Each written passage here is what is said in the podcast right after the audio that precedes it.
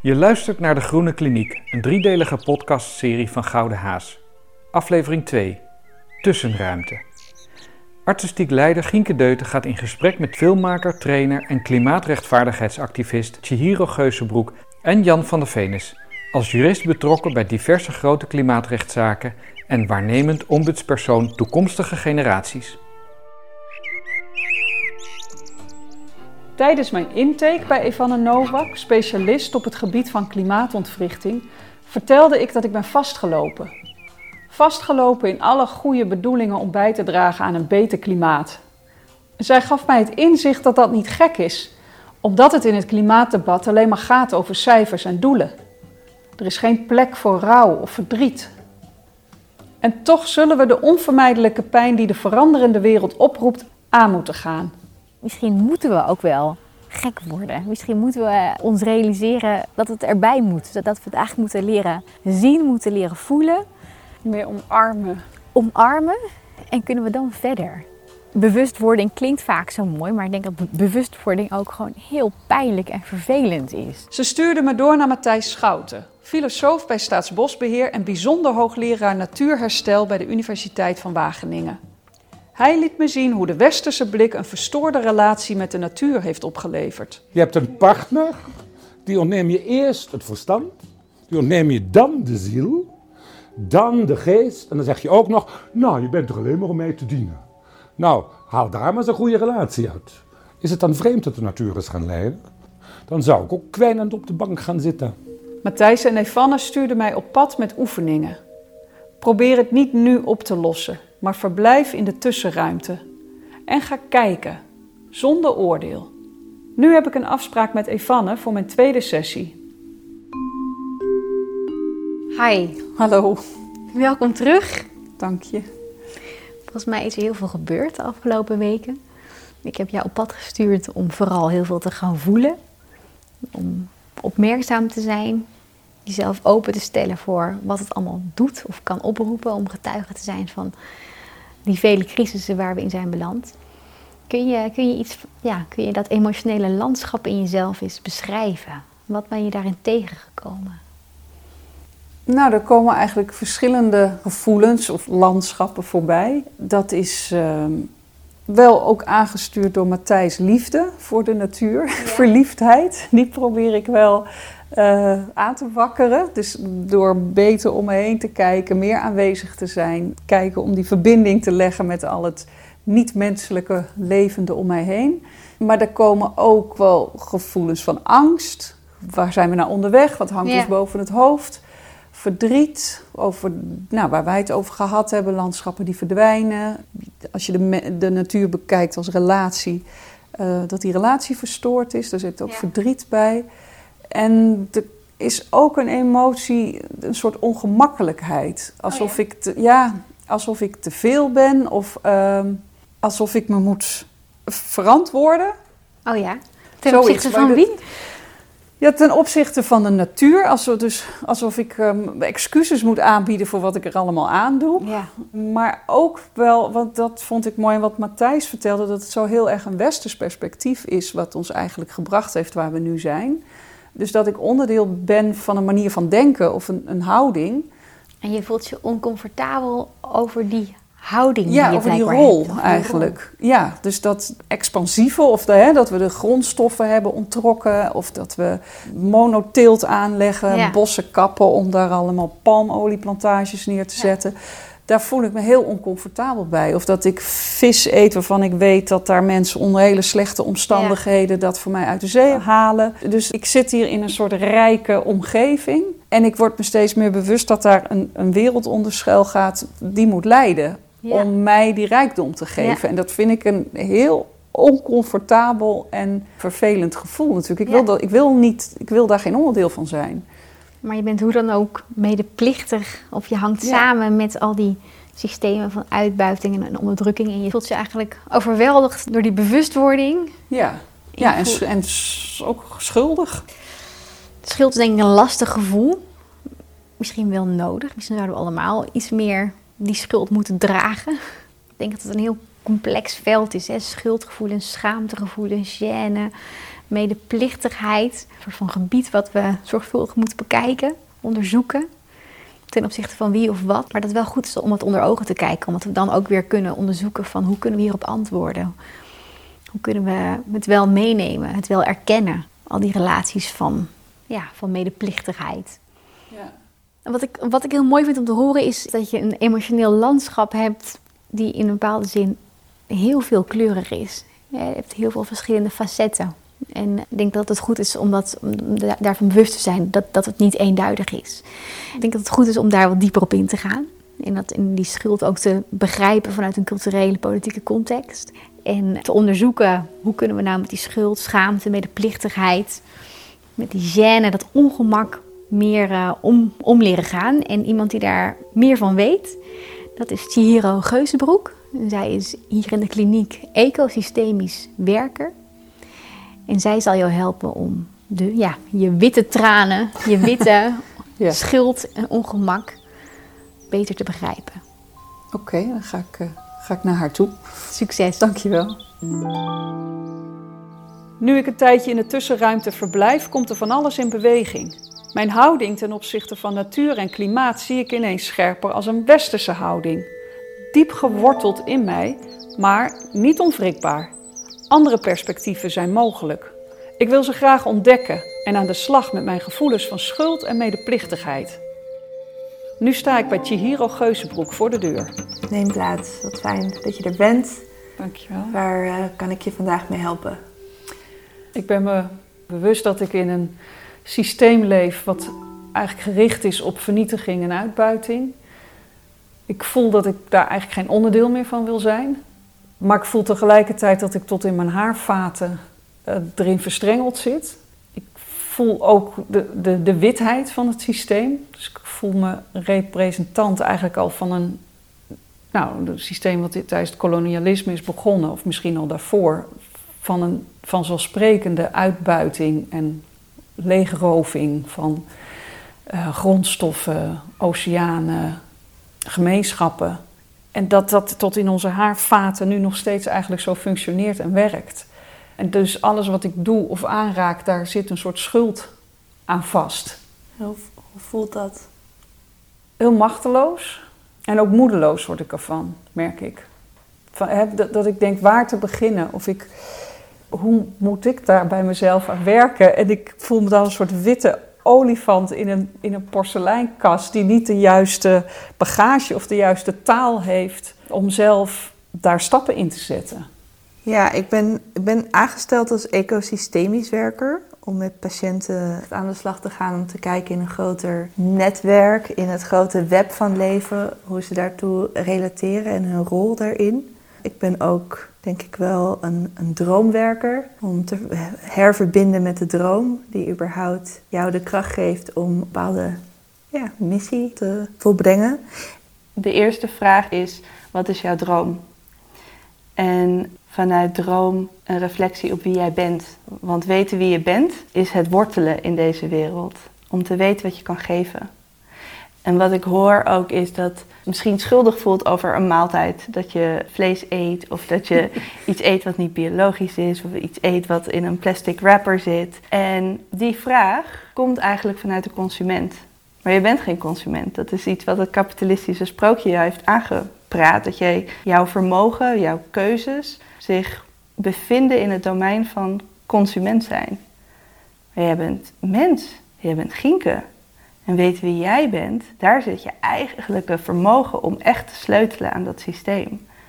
Dus als activist moet je dat sowieso al doen. Ja. Moet je dat stapje terug doen van oké, ik ga niet als consument eh interruperen. Ik ga in het politieke eh, systeem interruperen. Want als er daar iets geschakeld wordt, iedereen weet, een slechter milieu begint bij de politiek. dus hoe kunnen we ons mensbeeld, ons zelfbeeld opschonen, zodat de werkelijke waaier van keuze zich openbaart? Waar kunnen we sleutelen? Vanuit welke kracht? Het is prachtig als je als consument je afvraagt van hoe kan ik de beste keuzes maken? Daar, dat moeten we vooral doen.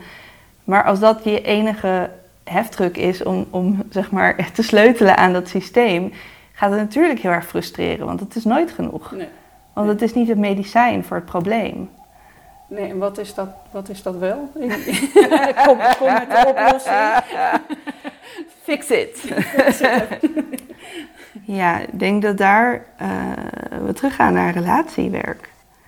En, en, en de verstoorde relaties waar, waar je al mee bezig bent. Chihiro is half Nederlands, half Boliviaans. En zij vertelt mij dat we veel kunnen leren van inheemse verhalen, rituelen en andere manieren van verbinden met het land om ons heen. Vanuit de westerse cultuur is er een idee van lineaire vooruitgang en ontwikkeling. En een taal van ontwikkeling en geschiedenis die ergens in de toekomst eigenlijk altijd beter zou moeten worden. In inheemse ontologie is eigenlijk de grootste leermeester is het land. Alles leer je van het land en het land dat groeit niet. Dat wordt niet groter, deze planeet gaat niet groeien. Dus wat ontwikkel je als het land je grootste leermeester is? En niet de tijd of de ontwikkeling. Dat is het gezonder maken van de relaties met alles wat er leeft in dat land. Ik, ik ben zelf, beroep ik me veel op inheemse literatuur, kennis, strijders op het gebied van land beschermen en water beschermen. Er zijn natuurlijk heel veel verschillende inheemse culturen, maar één ding van inheemse cultuur van Anishinaabe heb je de Seven Sacred Teachings, waarvan eentje wijsheid is. En het verhaal bij wijsheid is het verhaal van de bever. En dat de bever heeft hele scherpe tanden, dat zijn gift. En op het moment dat hij zijn gift niet gebruikt, zijn gave, uh, blijven die tanden groeien en krijgt hij eigenlijk een probleem, want hij kan niet meer eten. En heel vaak slaan we, als we problemen zien, de vraag over van wat is mijn gave, wat is mijn droom, wie ben ik? En zonder die vraag kunnen we eigenlijk niks oplossen. En met die zelfverwaarlozing bouw je geen betere relaties op. En... Prachtig, prachtig verhaal. Hmm.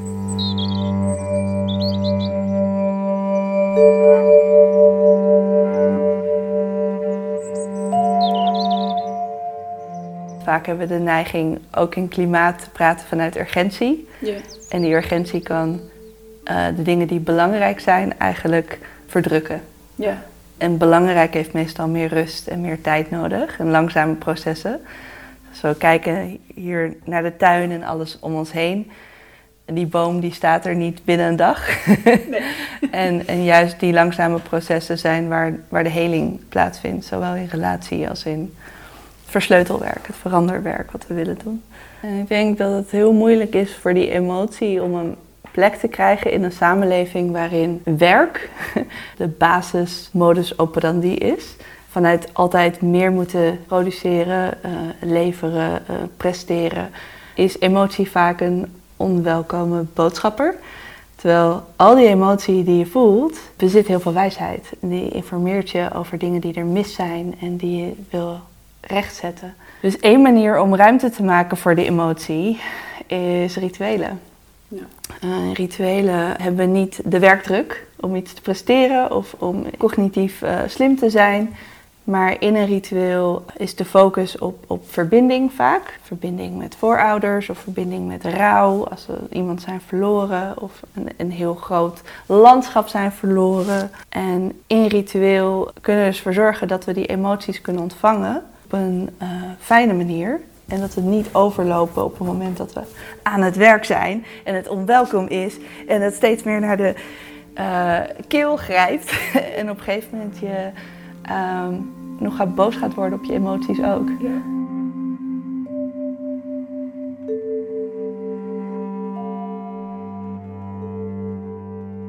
De vis die misschien op jouw bord ligt, elk leven eet leven. Dat is de basispremisse van leven op de aarde. Dus jij wel blijven eten. Maar op het moment dat jij die vis eet, ben je ook verantwoordelijk voor de populatie van die vis. Dus je mag die vis wel eten, maar dan is het niet jouw schuld, maar jouw verantwoordelijkheid hmm. voor het voortbestaan van de zalmpopulatie of de makreel of de, ik weet niet wat, wat op je bord belandt. Maar we zijn natuurlijk die relatie, door de, door de schaal waarop het geproduceerd wordt en in de winkel ligt en op je bord belandt, is die verbinding, die, die is natuurlijk totaal zoek geraakt. Ja, en zo'n grote trawler Zo'n enorm vrachtschip wat echt gewoon de hele bodem Ja. van de oceaan openhaalt en daar alles wat er leeft kapot maakt. Dat is natuurlijk niet iets waar jij als consument of individu besluiten over maakt. Daarvoor zijn bewegingen, gemeenschappen zo belangrijk dat die vanuit collectiviteit interventie doen. Want jij als individu gaat, gaat het klimaat niet redden. Nee, nee. Dat is ook een heel valse premisse, die wel elke keer soort ook in klimaatactivisme voorbij komt. Van red de planeet, red de toekomst, allemaal grootheidswaanzin. Ja. Maar de vraag is, waar zit jouw vermogen om je gemeenschap te vergroten en van daaruit helender eh, collectief te opereren? Ja. En dan word je niet moedeloos. Ik denk één, eh, het bestuderen van de geschiedenis laat zien dat eh, kleine groepen mensen echt de grootste wandaden hebben kunnen stoppen. En vaak is dat lokaal en geldt het niet voor de hele wereld. Maar dat soort kracht leeft er ook in jou.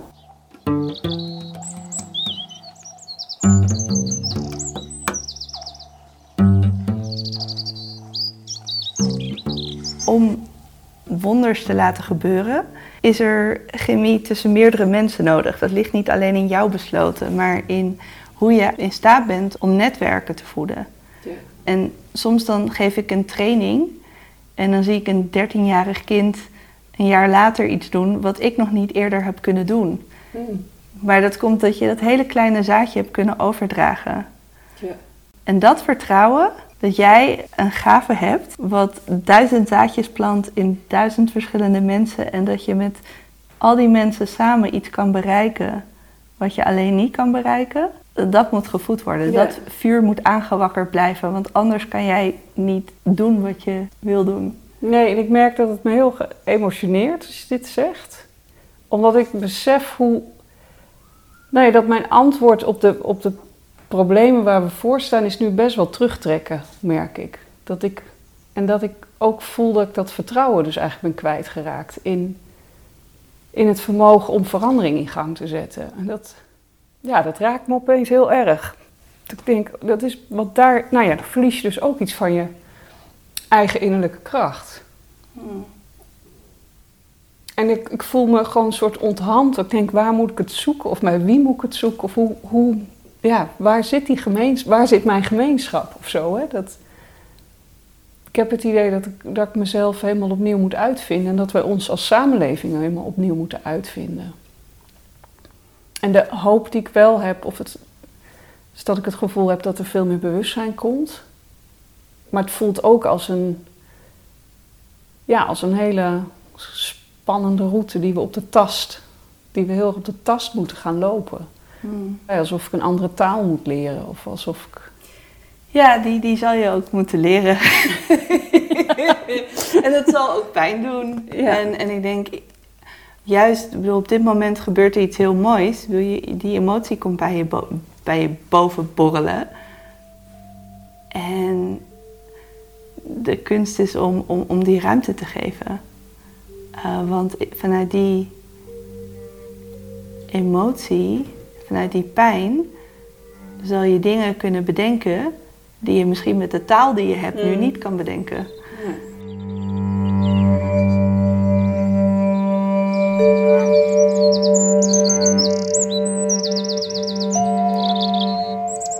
Maar je emoties zitten nooit vast tenzij je ze vastzet.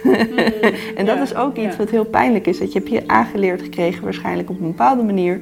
Dat heel vaak emoties op een bepaald moment niet welkom zijn. Hierin, de westerse samenleving heeft ook de neiging om rituelen als bijgeloof te zien. En ik wil niet rituelen helemaal ontkleden naar wat het functioneel doet. Maar functioneel heeft het ook gewoon die functie om binnen te laten wat er niet ontvangen wordt op het moment dat je werkgeoriënteerd bent. Vanuit die werkoriëntatie, vanuit de westerse samenleving, altijd hoeveel kan jij leveren? Terwijl je druk bezig bent met alles wat je kan leveren en alles wat je niet kan leveren, vergeet je helemaal van hoe, hoe kan ik teruggeven aan de populatie van die makreel die ik net heb gegeten. Dat zit niet binnen de scope van werk. Maar op het moment dat je rituelen kan doen en rituelen eh, kunnen gezamenlijk met z'n allen kan een, een, een dansritueel zijn, of een, een droomritueel, of een rouwritueel. Of het kan gewoon een wandeling zijn met iemand. Maar een wandeling zonder functie. Eentje waar je niet uh, loopt omdat je een podcast moet luisteren en nog zes dingen moet bedenken. En 10.000 stappen moet halen. Precies. Een ritueel voor een wandeling die er puur is voor de wandeling, één keer per week. En waarin alles wat bij je boven komt, paniek, uh, boosheid, welkom is. En misschien daarna een journal. Van wat komt er nou allemaal boven? En hoe kan ik dat niet in een, een wegstoppen, maar echt als een intelligente leermeester zien voor verbinding. Dus het gaat niet over Gienke als ik en mijn emoties, maar hoe kunnen deze emoties me helpen iets te articuleren waar ik eigenlijk de taal niet voor heb. Ja. Om te relateren. Ja, want daar kom je de hele tijd op terug, hè? die verbinding. Dat het verbindende werk, daar gaat het om. Dus dat we in verbinding komen te staan met elkaar, met de omgeving. Ja, en ik denk, ik, van daaruit hebben we een enorme politiek werk te doen. Hmm, hmm. maar dat politieke werk behelst nogal wat. Ja. Dat gaat met eventueel geweld of met leugens of met andere dingen tegengewerkt worden. En als je niet genoeg relatie hebt binnen gemeenschappen om to weather the storm, mm we gaan sowieso wel een hele stormachtige tijd tegemoet. Ja, er zit wel uh, met een halve voet in, heb ik het idee. Ja, ja, ja. voor de een is zijn huis al kwijt, de ander zijn familie al kwijt en andere mensen wonen nog gewoon prima. Maar we zitten sowieso in een stormige tijd. Dus wat gaat het vangnet zijn?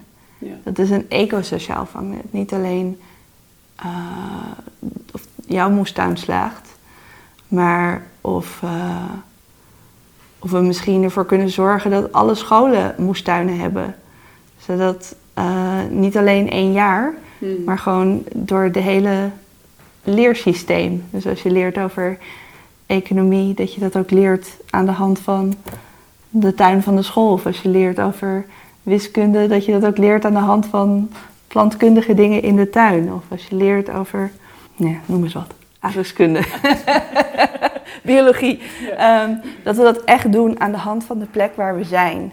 Want we hebben zoveel, op zoveel manieren en leven we niet waar we leven. Nee. Echt helend om, om uh, met jou hierover te spreken. Dus daar wil ik je heel erg voor bedanken. Dus het geeft me heel erg veel. Nieuwe inzichten en uh, bewustwording. En ook een richting. Mm. Dus dat, uh, ja, dat, alsof er ergens even een soort gaatje is geslagen waar, waar licht doorheen komt. dat, Wat uh, fijn. Ja, ja nee, daar wil ik je ja, heel erg voor bedanken. Ja, ik wil nog één ding ehm, delen. Het is uit een boek. Als je ergens wil beginnen op het gebied van healing en inheemse kennis, zou ik beginnen met Legacy van Suzanne Method. Het gaat over trauma, story en indigenous healing. En ik vind het, behalve dat het heel erg mooi intergenerationeel trauma ontzenuwt. Dus eigenlijk het trauma wat opgestapeld is door een lange periode van meerdere generaties, van opa's, overgrootopa's. Wordt hier in het Westen vaak intergenerationeel trauma wel gezien met de Tweede Wereldoorlog. Dus mensen die het in hun opa hebben meegekregen, dat dat nog effect heeft op hun ouders en nog effect heeft op de mensen nu. Maar op het gebied van kolonisatie zijn natuurlijk heel veel gekoloniseerde volken hebben opgestapeld trauma door die eeuwen heen. Uh, wat hier ontzenuwd wordt en verzacht. Het ook wel mooie handvatten geven voor processen van, van herverbinding. Uh, want heling gebeurt niet in het individu, maar in ons uh, netwerk van samen zijn. Dus dit is eentje die mij heel veel kracht en inspiratie heeft gegeven. Legacy van Suzanne Method. Dankjewel. Ik maak een wandeling door het bos bij de kliniek. Een wandeling zonder functie, zoals Chihiro adviseerde. er borrelen vanzelf vragen en gedachten op. Wat is mijn gave? Zouden rituelen mij helpen om me opnieuw te verbinden met mijn emoties? Met de mensen en de gemeenschappen om me heen? Met de omgeving waarin ik verblijf? Welke zaadjes kan ik daar planten? Deze vragen geven ruimte Terugtrekken heeft geen zin. Na mijn wandeling klop ik weer bij Evanne aan. Welkom terug. Daar ben ik weer. Ja, volgens mij heb je een heel goed gesprek gehad met Chihiro. Ja, dat was heel inspirerend. Ja? ja, ja. Nou, ik zou graag, graag horen wat er bij jou in beweging is gebracht. Dus wat is aan het kantelen gegaan? Nou, wat ik heel duidelijk in het gesprek met haar merkte, is nou, een aantal dingen. Maar onder andere dat ik dus me eigenlijk aan het terugtrekken ben. Terwijl zij heel erg duidelijk zegt van je moet die wereld in. En ga de verbinding aan met de mensen om je heen, met de verhalen om je heen. De verhalen waar je uit voortkomt. Het land waarop je leeft. Dus echt het in verbinding en in relatie gaan met de wereld om je heen. Ook gewoon heel erg het gevoel van het heeft zin. Ja? Ja, dus ook klein beginnen heeft uitwerking op een grotere, grotere schaal. En ik merk dat het alles heeft zo met elkaar te maken. Het is niet Ja. een eenduidig probleem van en hoe ga ik me daartoe verhouden. Maar hoe meer ik in gesprek ben of hoe meer ik in de kliniek verblijf, hoe dieper het besef komt hoe alles met elkaar verbonden is en hoe alles in elkaar grijpt. En waar ik daar dus in het begin eigenlijk heel moedeloos van Mhm. werd of me een soort machteloos bij voelde, kom ik er ook nu wel steeds meer achter dat dus ook alles wat je doet effect heeft Ja. op, op, een, eh, op een grotere schaal. En dat geeft eigenlijk ook heel veel hoop op een bepaalde manier. Dus ik kom er ook achter dat het niet een vast hermetisch iets is. Het wereldbeeld wat ik heb, dat is een westers Mhm. perspectief. Maar er zijn honderdduizend andere perspectieven. En daar kan ik naartoe bewegen of daar kan ik kennis van nemen. Of daar zit, daar zit beweging of waar je op ontdekkingstocht in kan gaan. Ja. En wat nog ik- iets met die schuld van jou? Ja, nou, wat, wat ik mooi vond wat ze daarover zei, is dat, dat zij eigenlijk de schuld kantelde naar verantwoordelijkheid. En dat legt veel minder lam. Dus, ze- dus ze zei van de, de vis die je eet, je hebt eigenlijk dus ook verantwoordelijkheid voor die. Je mag die wel eten, maar je hebt verantwoordelijkheid voor het welbevinden van die vis of voor de populatie van die vis. En dat is natuurlijk veel actiever Ja. dan dat je met een soort schuld. Nou ja, daar zit natuurlijk ook die terugtrekking in. Ja. Dus dan, dan ga je je verstoppen of dan verdwijn je. Eigenlijk was de hele tijd de uitnodiging van kom tevoorschijn, kom tevoorschijn, spreek je uit. Spreek je uit in je handelen. Dus, dus de hele tijd die verbinding aangaan en relaties aangaan. Dus dat vond ik, dat vond ik heel waardevol aan het gesprek met haar. Heel mooi. Dus je bent aan het verschijnen. Ja, aan het zeggen. Ja, nu nog doen, hè? Ja. nee, Ja. maar ja, nee, ja. Ik hoor iets van een soort van levensbeaming. Zo van hier ben je en je bent gebonden, geworteld in allerlei contexten. Maar dat ehm, hoef je er niet van te weerhouden om, om, er, om er te zijn, zeg maar. Dus, En wat, hoe noem je dat? Levensbeaming? Ja, zo van hier ben ik in deze beschadigde wereld. Maar ik wil er zijn en ik wil relaties aangaan en ik wil, ik wil bijdragen. Ja. Dus ik wil ook heel graag dat grotere verband voelen of zo. Ja. Dat, eh, de, de- wat, wat, ja, wat is het verband waar ik uit voortkom? Wat is het Hmm. verband waar ik onderdeel van ben? Ja, dat, dat gaat volgens mij ook over tijd. Dus om te onderzoeken van hoe sta je, ja, hoe, hoe verhoud jij je tot, tot, tot de generaties voor ons, na ons? Hoe kun je jezelf zien als, als een schakeltje in een heel groot web? Niet alleen een wereldwijd web, maar ook in een web in tijd. En eh, ik denk dat je daarvoor moet gaan praten met Jan van de Venus. En hij is waarnemend ombudspersoon toekomstige generaties. En hij heeft hier bij ons in de kliniek zijn eigen lab. Neem maar even plaats hier in een wachtkamer, dan komt hij zo naar je toe. Oké. Tijd. Ik ben benieuwd wat een jurist mij kan vertellen over tijd. En hoe zich dat verhoudt tot de rechten van de natuur, waar Jan zich ook mee bezighoudt. Toekomstige generaties. De toekomst. Daar wil ik het wel over hebben. Waar blijft hij?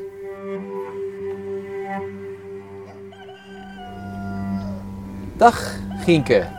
Goeiedag. Hi, welkom. Eh, Dank je. Welkom bij de waarnemend ombudspersoon voor toekomstige generaties. Ik weet en merk dat je in de kliniek al bij meerdere van mijn collega's bent geweest. Klopt. En weet je, ik heb je wat langer laten zitten Nou, in de wachtruimte. inderdaad. Heb je het gemerkt? Ja, dat heb ik wel gemerkt, ja. En wat deed dat met je? Ik word altijd heel eh, opstandig van wachten. Ik kan daar heel slecht tegen, merk ik. En dat merkte ik nu ook weer. Dat ik denk, oh, ik ben ook best wel een te laatkomer. Omdat ik liever gewoon net ergens op tijd binnen hol... dan dat ik de rust en de ruimte pak om me ergens even mentaal goed op voor te bereiden. Dus ik was eigenlijk vooral ook heel erg bezig met hoeveel onrust ik uh, bij me draag. en nou, zo denkend ook over tijd, want ik wist dat we het over tijd uh, gaan hebben, dacht ik ook van ja, ik, ik merk dat ik een angst heb voor de toekomst die voor ons ligt. Dat die als een soort uh, onaanspellend rampscenario eigenlijk op ons ligt te wachten met zijn bek wijd open. Tot, hè, van, en dat wij daar zo in, in gaan wandelen. Nou, wat, we, wat we zien uh, vanuit het lab toekomstige generaties, is dat heel veel jongeren ook hebben wat jij hebt. Een hele diepe klimaatangst, een enorm wantrouwen waar het heen gaat met de aarde en ook een enorme onmacht, omdat ze zien dat de, wat volwassenen zouden moeten zijn, die zich heel kinderlijk gedragen en eigenlijk niet handelen. En wat we zien bij die volwassenen is dat ze eigenlijk heel slecht om kunnen gaan met een disaster in slow motion. Dus een ramp die zich heel langzaam aan het voltrekken is. De wetenschap zegt de ellende komt eraan. We zien al in eh, met name de andere landen die niet zoveel hebben bijgedragen aan die klimaatverandering, dat ze nu al de problemen hebben. Maar we hebben te weinig concrete impact. Hè? Dus af en toe valt er ergens een plensbui. Of er is even een zomer met droogte, maar uiteindelijk herstelt dat water zich wel. Dus de grote problemen hebben we nog niet. En het is voor de mens heel moeilijk om zich in te leven in de grote problemen van overmorgen. Terwijl we wel als mensen allemaal de mooiste toekomst zouden willen doorgeven aan onze kinderen, kleinkinderen en achterkleinkinderen. En dat is iets waar we uh, vanuit het lab en ik als ombudspersoon mensen meer bewust van willen laten worden. Uh, dus wat is het wat je hebt doorgekregen van je grootouders, je overgrootouders, je voorouders? Dus wat maakt dat wij nu kunnen zijn wie we, wie we zijn? We staan op de schouders van onze voorouders. Uh, dat is een Engels begrip, standing on the shoulders of giants. Dat noemen we eigenlijk onze, onze reuzen. En die hebben alles gecreëerd, van de technologie die we gebruiken, tot de samenlevingen, tot de instituties. En veel daarvan werkt goed, maar veel daarvan werkt ook niet goed. En terwijl de kinderen langs fietsen op de achtergrond. De toekomstige generatie. Ja, denken we, wat betekent dat dan voor die toekomstige generaties? En eigenlijk zag je het zelf al in je wachtkamer.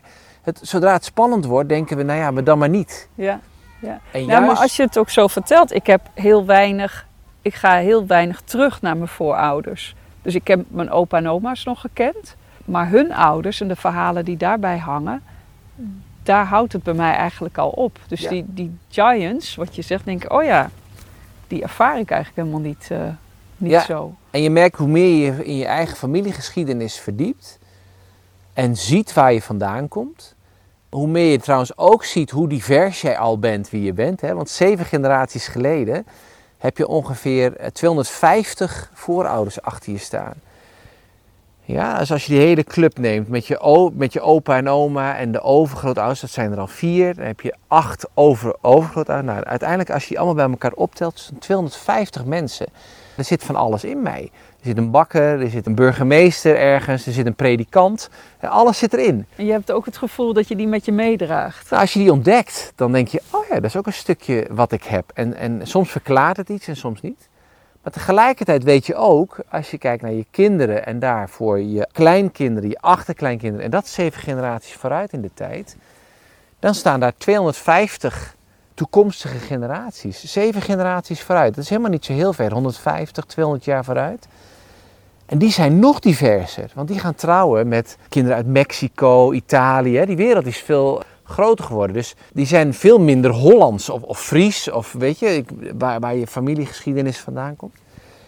En dat betekent eigenlijk ook dat je daarmee verbindt ook met andere culturen, met een, met een toekomst die divers is. Ja, maar eigenlijk dat bewustzijn, dat hebben we heel weinig, toch? We zijn heel weinig bezig met waar we vandaan komen of waar we naar onderweg zijn. Absoluut, en dat is ook wel een van de redenen waarom we wat minder duurzaam zijn in, in ons handelen. We leven vandaag uh, soms, sommigen van ons uh, weten wel waar we vandaan komen, of ongeveer. Maar wat je al noemde, die familieverhalen. Hè, loop een pub in, in, in Schotland. En iedereen weet de, de heldenverhalen van de, de achteroom die ooit op een slag of ergens, hè, de grote avonturen. Die verhalen mogen we weer gaan opzoeken en vertellen. En ook doorgeven aan onze kinderen. En die kinderen mogen we bewuster gaan maken dat ook zij weer kinderen hebben. En dat is ook een boodschap van hoop. Want als goede voorouder wil je juist je kind en je achterkleinkind en je achter-achterkleinkind alle ruimte geven om zich te kunnen ontplooien en te zijn wie die dan wil zijn. In een wereld die in balans is. En we geven nu een wereld door die armer is in biodiversiteit, die onder druk ligt van stikstof, CO2, watertekorten, klimaatverandering. Ja, eigenlijk geven we alleen maar problemen door. En als je je kind naar school stuurt op een mooie ochtend, dan stop je daar fruit en een goed hapje in het rugzakje en niet de ellende van de wereld. En dat is eigenlijk wat we nu aan het doen zijn.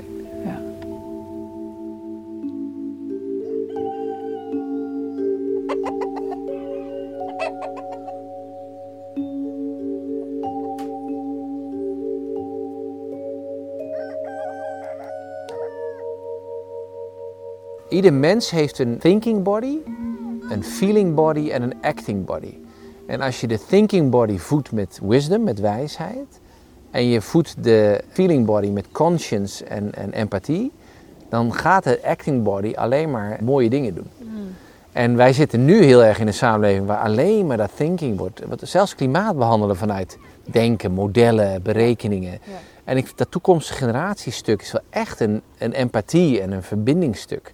En ook dat rechten van de natuur. Hè. Het, is, het zijn wel rechten, maar we gaan ons veel meer verbinden. En hoe meer verbinding er ontstaat, hoe ja, duurzamer onze handelingen gaan worden. Ja. Dat is een hele mooie link ook met de inheemse tradities. De inheemse bevolkingen overal op de aarde, dus hoef je echt niet voor naar het oerwoud in Papua Nieuw-Guinea of, of, of, eh, of Paraguay. Dit hebben wij ook gehad in Nederland, tot een aantal generaties geleden, waarin we enorm geïndustrialiseerd zijn. Ook toen hadden wij veel meer verbinding in het hier en nu met de hele natuurlijke leefomgeving, omdat we er dagelijks mee werkten en besloten ons niet op in kantoorpanden waar we met Excel-sheetjes bezig waren. We waren dagelijks buiten bezig, want die boer wist hoe hij zijn graan moest eh, verbouwen en die molenaar wist waar het graan vandaan kwam. En de, en de landheer, ook al waren die systemen niet helemaal oké en rechtvaardig, die wist ook waar alles vandaan kwam.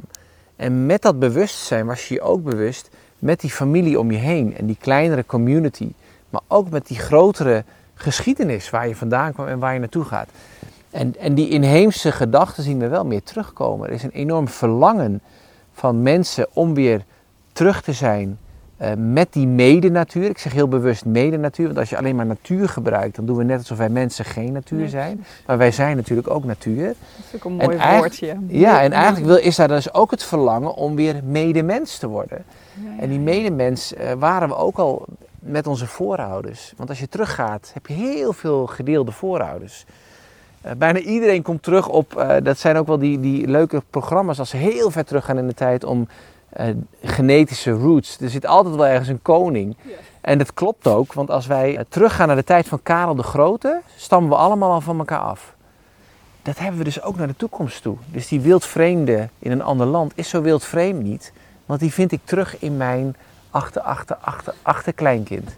Dus daar kan ik me ook nu al mee verbinden. Ja, wat mooi. Ik, dit is voor mij echt een nieuwe, een nieuwe blik. Of Ja. zo, om, zo, om jezelf zo in de, in de tijd en in, in de medemens inderdaad te, plaatsen. Dat is, dat is een mooi beeld. Want ik merk dat ik ook wel last heb van dat hele geïndividualiseerde nu. Hè? Dus dat je, dat je ook... Nou ja, iedereen wordt bijna ook eh, gedwongen van zichzelf een soort merk te maken. En je weten wie je bent en, en weten wat je kan. En, dus het gaat heel erg over je eigen potentie, maar heel individueel gericht. Terwijl je plaatst het nu eigenlijk in een hele grote gemeenschap. In een hele grote onderlinge verbondenheid en context. Ja. Maar daar hebben we het eigenlijk niet over als we het hebben over worden wie je bent. Of, Nee, en dat is ook heel typisch. In het Westen gebruiken we de mensenrechten heel erg voor de ik. Dus ik heb rechten. ja. In meer het oosten of de Global South, hè, de, wat we nog wel eens de ontwikkelingslanden noemen of noemden, zijn mensenrechten veel meer een groepsding. De wijrechten zijn daar veel belangrijk. Een adequate levensstandaard. Met z'n allen hebben we recht op gezondheid. Met z'n allen gaan we ontwikkelen. Met z'n allen zijn we Ubuntu. Dus je bent pas een ik als je je ook verbindt met die groep. Die mensenrechten zeggen in, de, in artikel 1 van de Universele Verklaring: alle mensen zijn gelijk in waardigheid en rechten. En vaak stoppen wij daar. Maar de tweede zin is: ze zijn begiftigd met reden en bewustzijn. En bewustzijn gaat over, het, over hart en over verbinding. Maar wij claimen vaak rechten vanuit de reden. En wat zien we nou in een aantal rechtsuitspraken in Nederland ook? In die klimaatzaak tegen Shell en in de Urgenda klimaatzaak zegt de rechter eigenlijk ook... we zijn ook verbonden in bewustzijn. En die belangen van toekomstige generaties en die rechten van toekomstige generaties gaan over bewustzijn. En in het recht en in de samenleving zouden we wat minder in de reden mogen zitten, in ons hoofd, in dat dagelijkse handelen. En wat meer de tijd en ruimte nemen voor dat bewustzijn. En dan ontstaat er ook iets moois. En ik noem het ook wel eens dan verschuiven van het tijdperk van de verlichting die we hebben gehad, die heel erg in ons hoofd zitten, naar een balanstijd waarin we even iets meer focussen op de verliefding. dus de verbinding die eh, in alles is, in bewustzijn. En die er ook gewoon feitelijk is met de natuur, met andere mensen. En als we die meer in balans gaan brengen, dan zien we dat onze acties ook duurzaam zijn. Want die acties uit ons hoofd gedreven zijn vaak hele onduurzame, eh, korte termijn snaps. En, en dat is grijpen, dat is opeten, dat is verminderen. En als je het vanuit verliefding doet, dan krijg je adding, hè? dus vermeerderen, eh, die mooist mogelijke toekomst voor toekomstige generaties. En dan ontstaat ook de agenda van de hoop voor de klimaatagenda. En dan verdwijnt de focus op de, de angst hè, en de disaster in slow motion naar wat als we nou echt de mooist mogelijke toekomst zouden kunnen creëren. Voor ons, voor anderen en voor toekomstige generaties. Ja, prachtig.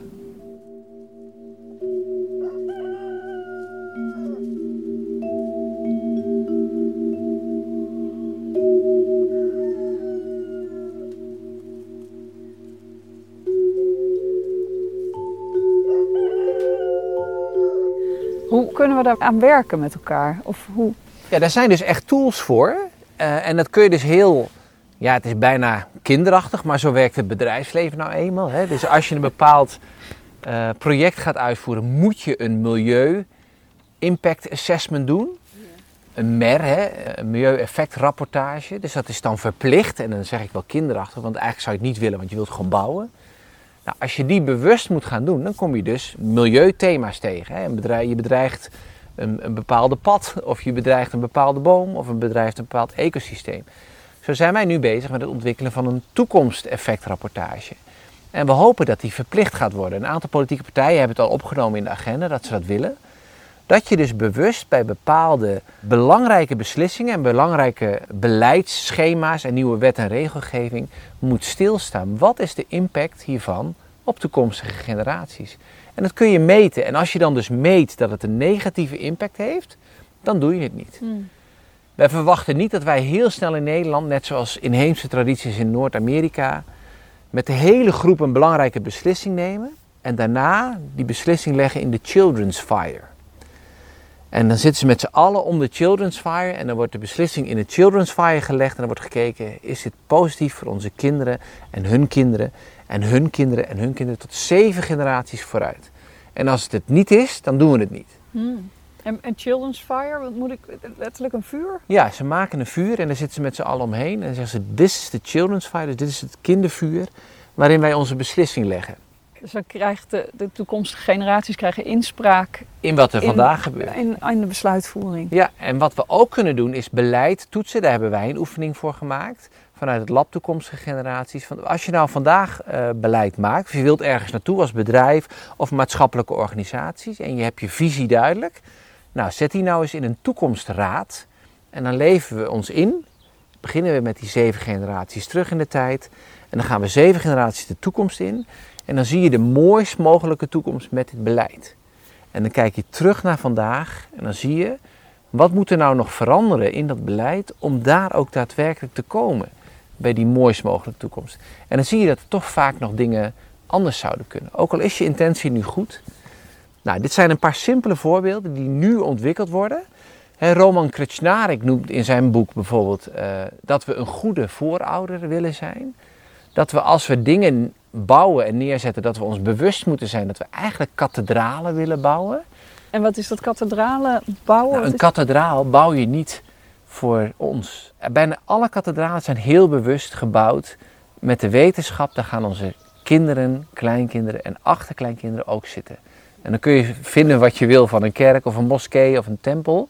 Dat is wel de intentie. En de intentie bij het planten van een boom zou ook moeten zijn: daar gaan mijn kleinkinderen nog de vruchten van eten. En die biedt schaduw aan mijn achter achterkleinkinderen.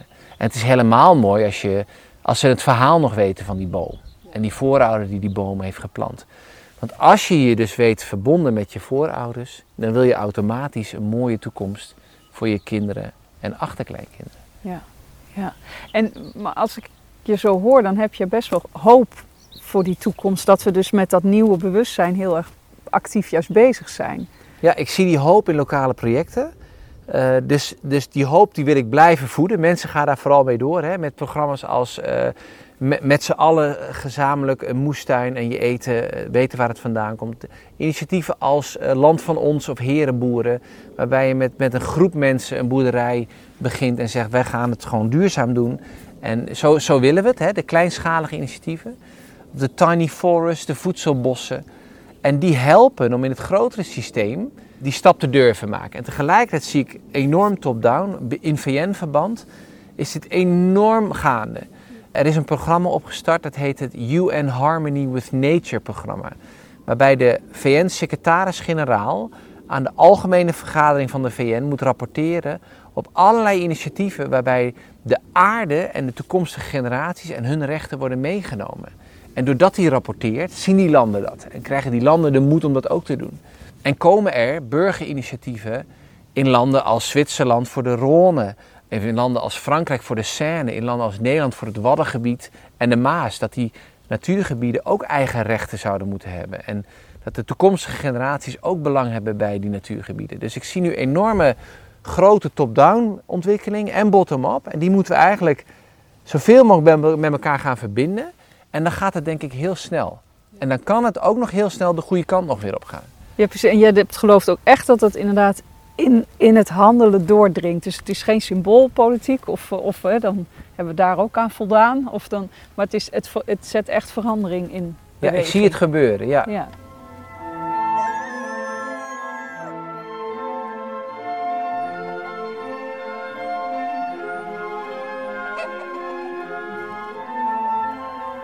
Ik zat ook heel lang in de wanhoop van we moeten dit gaan doen, het moet ook echt anders.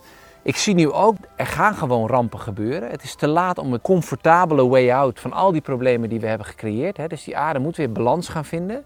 Dus we zullen zeker, ja, die extreem droge zomers, dat was nog peanuts. Hè. Dat, dat, dat uh, net bij Alkmaar een wolkenbreuk is, waarbij bijna 10 centimeter water in een paar uur valt. Dat is nog peanuts. Dus er gaan ook hier nog grotere rampen gebeuren. Maar ik denk wel dat het mondiale bewustzijn zich versneld daar naartoe gaat brengen. Van we moeten het doen binnen het aardsysteem. We moeten dus ook met z'n allen gaan bedenken wat ik in Oezbekistan, hè, de t-shirt wat ik hier koop, daar gebruik ik daar 10.000 liter water voor. En pesticiden. En ik vervuil de rivier. Maar daar zie ik niks van terug, want hij ligt gewoon voor 3 euro in de supermarkt. Dus, dus al die systemen gaan nu versneld om naar dit, dit gaat niet. Dus dat, dit moet ook anders. En de, enige laag die echt vervangen moet worden voordat het anders kan, is de huidige laag van de macht. Want daar zie je echt, die hebben geleerd om in het oude systeem te komen waar ze zitten. En die kunnen heel moeilijk die volgende stap maken. Want ze zeggen het wel, hè, we willen rekening houden met de toekomstige generatie, maar ze kunnen het niet. Nou, en daar is een soort laatste noodtrap. Uh, en die wordt wereldwijd steeds beter gebruikt. En het is jammer dat het nodig is, maar het gebeurt nu wel. De rechters zien we nu wereldwijd. Er zijn duizenden klimaatzaken wereldwijd. Ja, ja. En die worden steeds vaker gewonnen, juist vanuit de rechten en de belangen van toekomstige generaties. Ja. Want de rechters zien het. Die zien zowel de wetenschap, die zien ook het recht. En die zien, hier komen we niet mee weg. Dus dan moeten wij maar die politici of die overheden die te traag handelen, stoppen op basis van normen die ze zichzelf wel hebben opgelegd. Want ze hebben die mensenrechten aanvaard. Dus het is, ze gaan niet zitten op de stoel van de politiek. Ze zeggen eigenlijk nee, die eigen normen waar jullie je aan moeten houden. Jullie hebben gezegd wij mogen ook niet door het rode licht rijden. Daar leggen wij dus nu de grens. Ja, dus echt de controlerende macht die, die dat... En die dingen samen, bottom-up initiatieven, mondiaal bewustzijn, het enorme toenemende uh, inheemse bewustzijn. Hè. We zijn met alles verbonden. Uh, met name ook onder jongeren, dat zien we enorm. Uh, in combinatie met toch af en toe die stik, ja, ik zie het echt wel versneld nu gaan. Ja. En ik hoop dat ik iets van die hoop Ja, nee, aan je mee Nou, kan ik moet zeggen, terwijl je dit vertelt, ik krijg er gewoon kippenvel van. Nou, dus dat, fantastisch. ja. ja, nee, dus dat is, dat is echt stimulerend. Om, En, om- en voor mij is het belangrijkste wat ik heb geleerd, vind ik nog, is dat die verandering die vindt dus plaats in die samenleving. Ja. Dus het heeft geen zin om alleen maar er tegen te schoppen. Uh, Wubbel Okkers zei ooit, eh, van alle mensen wordt zo'n 10% actief op iets. Dus iedereen vindt overal wat van. Hè? Iedereen is bondscoach. Iedereen vindt wat over corona, vaccinatie en al. Maar er is maar 10% die actief wordt. En eigenlijk zou die 10 zou 25 moeten worden. Mm. Want worden we actief en stappen we in het systeem. En als jij bij Shell werkt, doe je dat omdat je bij Shell werkt en daar een verschil kan maken. En als jij eh, in de landbouw werkt, dan doe je het in de landbouw. Altijd met het oog op die mooist mogelijke toekomst. Als meer mensen dat gaan doen, dan gaat het versneld. En dan maken we die mooist mogelijke toekomst. En dan kijken onze kinderen en achterkleinkinderen terug. En dan zeggen we, dat was een te gekke generatie aan voorouders. Die hebben het verschil gemaakt in twee generaties van naar totale destructie, nadat ze ons schouders hebben gegeven waarop we kunnen staan. Dat waren goede voorouders. Ja, en dat willen we allemaal toch zijn? Ja. Ja. Ja. Een nieuwe focus heb je me gegeven. Ja, een Top. nieuwe bril om naar de, naar de dingen te kijken. Dank je wel Ja. Ga heen en vermenigvuldig. Ga heen en, en spread the word. Ja.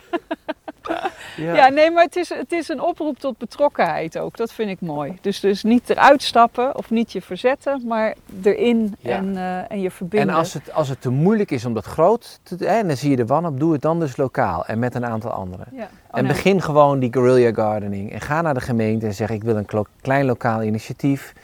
Eh, want het begint dicht bij huis. Want dat zijn we ook kwijtgeraakt. Hè, ook de waardering voor vrijwilligers, de waardering voor lokale initiatieven. Eh, als, je, als je dat zou terugrekenen in geld, hè, waar, die sociale, waar die samenleving op draait, is het onbetaalbaar. Ja. En daar mag, daar mag meer waardering voor komen. Eh, liefst ook in geld, maar met name in wat het brengt eh, voor ons allemaal.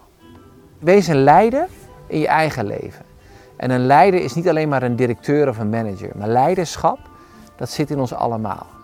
En de toekomstige generaties vragen eigenlijk leiderschap van ons allemaal. Om een goede voorouder te zijn. Mooi. Dank je wel. Alsjeblieft.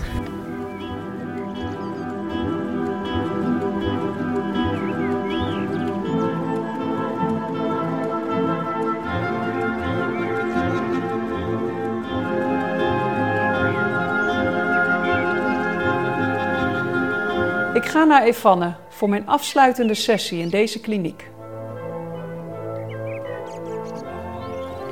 Welkom terug van je gesprek met Jan. Hoe voel je je? Eh, ja, wel goed. Ja, ik zie het ja, aan je. ja, wat ik heel mooi vond is dat hij eigenlijk aangeeft dat hij heel hoopvol is over wat er nu allemaal gaande is. En dat hij heel veel beweging en transitie ziet in denken en in handelen. Waarbij hij die klimaatzaken ook aanhaalde. Dat hij zegt van daar gebeuren echt dingen dat mensen verandering willen. En dat dat ook gaande is. En nou, dat, dat vond ik echt heel mooi om te horen van iemand die zo dicht op het vuur zit. En voel jij zelf ook hoop? Ja, nou, eh, dat, dat sterkt wel, ja. Ja? Dat, eh, En hoe voelt dat? Nou, alsof er ruimte is om te bewegen. Ja, een soort van aanstekelijk gevoel. Hoop is ook een houding. Het is niet alleen maar een, een gevoel, waar, een, ja, een soort van optimistisch blij gevoel, maar het is ook een, een, ja, een houding die je kan kneden, die je kan vormen, die je kan eh, bekrachtigen in jezelf. Daarbij wil ik graag eh, het werk van Rebecca Solnit aanhalen. Zij is een Amerikaanse essayiste en ze heeft echt een prachtige essay geschreven. Dat heet Hope in the Dark. En zij schrijft dat hoop samenhangt met het onkenbare. Ik ga even een paar zinnetjes oplezen hoor. Ze zegt: Hoop is te vinden in de veronderstelling dat we niet weten wat er zal gebeuren. En dat die onzekerheid ons de ruimte biedt om iets te doen. Als je het bestaan van onzekerheid erkent, dan erken je dat, je in staat bent om de gevolgen ervan te beïnvloeden. Jijzelf of jij samen met een handvol of miljoenen anderen. Hoop is het omarmen van het onbekende en het onkenbare. Een alternatief voor de zekerheid die zowel optimisten als pessimisten menen te hebben. Hm. Nou, ik vind het echt een prachtige zin en ik, en ik probeer hem zelf ook vaak te verinnerlijken. Want ik merk wel, het, het is een opgave om die toekomst niet steeds te laten vullen met al die ellendige scenario's. Hè. Weer een nieuw IPCC-rapport. Elke keer weer donkere wolken of zo die, uh, die zo voor je toekomstbeeld kunnen schuiven. Maar het realiseren dat, dat, dat, dat die toekomst ongeschreven is en dat jij daaraan kan bijdragen om die toekomst te herschrijven, een ander scenario te maken. Dat kan volgens mij enorm bijdragen aan, um, aan een hoopvolle houding. Ja. Dus een, een, een houding van vertrouwen. Zo terugkijkend op het hele proces, zou je iets kunnen zeggen over wat je verblijf hier in de kliniek jou heeft gebracht? Nou, wat het, wat het mij brengt om hier in de kliniek te zijn, merk ik dus dat het aan de ene kant de staying with the trouble is. Dus blijf bij, de, blijf bij je eh, verdriet en bij je angst. En kijk je angst in de ogen en uh, ga er niet van weg, maar onderzoek het. En wat het, dat levert eigenlijk een soort totaal nieuwe inzichten of perspectieven op over mijn relatie met de omgeving, relatie met andere mensen, relatie met mijn eigen voorouders mijn eigen verhaal. En wat ook eigenlijk de hele tijd gezegd wordt: van het heeft zin om te bewegen, het heeft zin om te veranderen, om dingen te doen, omdat het uitstraling heeft naar anderen. En ja, dus die hoop die voel ik wel, ja, of die, dat vertrouwen. Ja. ja, ik zie ook iemand die hier binnenkwam in de kliniek, van teruggetrokken, van ja, die een zwaar gewicht van al die kennis, die vooral eenzaam in je eentje achter de computer zat te consumeren een beetje ja, verloren met al die kennis. En ik zie nu iemand die heel uh, energiek, met zin en verwondering om zich heen kijkt. En ook benieuwd naar wat eigenlijk allemaal gaande is en waar, ja. Ja, en het is heel goed om te horen dat er heel veel mensen hiermee bezig zijn en uh, daar nog veel, hè, daar heel veel kennis van hebben. En uh, dat, dat te delen en ook de, ja, ook thema's terug te horen bij verschillende mensen. Ja. Dat geeft mij ook heel veel houvast, merk ik. Ja. Dat het... Dat het samenvalt. Ja, ja, en dat daar dus dat daar een beweging in gaande is. En dat die langzaam zo boven het oppervlak... Zo voelt het, alsof er iets zo al onder water aan het, aan het bewegen is... en alsof dat langzaam zo boven de oppervlakte komt. Het is ook ergens een hele opwindende tijd. Hè? Dat, er, dat er een nieuwe wereld wordt geschapen waar je aan kan bijdragen. Ja, als je het zo ziet, Ja. dan is dat een heel andere... Ja, Ja. En, en dat begin ik wel steeds meer zo te zien of te ervaren, ja. Fantastisch. Volgens mij is het dan goed om deze kliniek eh, stapje voor stapje meer te verlaten en die wereld meer in te gaan. En ik denk dat het goed is om dat samen te doen met Eva Rovers. Zij is in het dagelijks leven schrijver en activist en medeoprichter van bureau Burgerberaad. En hier in de kliniek is zij een regeneratiecoach. Oké. En zij, zij zal jou mee op stap nemen om te onderzoeken hoe je die wereld in kan bewegen. Oké. Dank je wel voor eh, alles waar je me langs geleid hebt. Want ik was op zoek naar een gids en eh, die heb ik in jou gevonden. Dus daar wil ik je sowieso heel erg voor bedanken. fijn om te horen. Het heeft mij heel veel gebracht tot nu toe. Mooi. Dank je wel.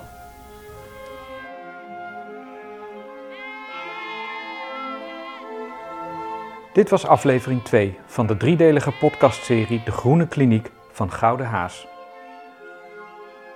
Gouden Haas maakt theatervoorstellingen en programma's om je te helpen de stap te zetten van droom naar daad, lineair denken om te buigen naar een circulair bewustzijn en je wereldbeeld te kantelen van egocentrisch naar ecocentrisch. Nieuwsgierig geworden? Kijk op www.goudenhaas.nl. Bezoek ook de voorstelling Mens, Boom, Dier. Deze speelt op bijzondere buitenlocaties. Kijk voor de actuele speellijst op de website van Gouden Haas. Voor deze podcast kroop artistiek leider Gienke Deuten in de rol van patiënt. Redactie Marieke Noren, samenstelling Ilja Lammers, muziek Jaap van Keulen, productie Maartje Niewind en publiciteit Dagmar Bokma. De podcast is mede mogelijk gemaakt door Fonds Podiumkunsten, Gemeente Almere, Provincie Flevoland, Fonds 21 en Norma Fonds. Luister ook naar de serie De Groene Kliniek via jouw favoriete podcastplatform.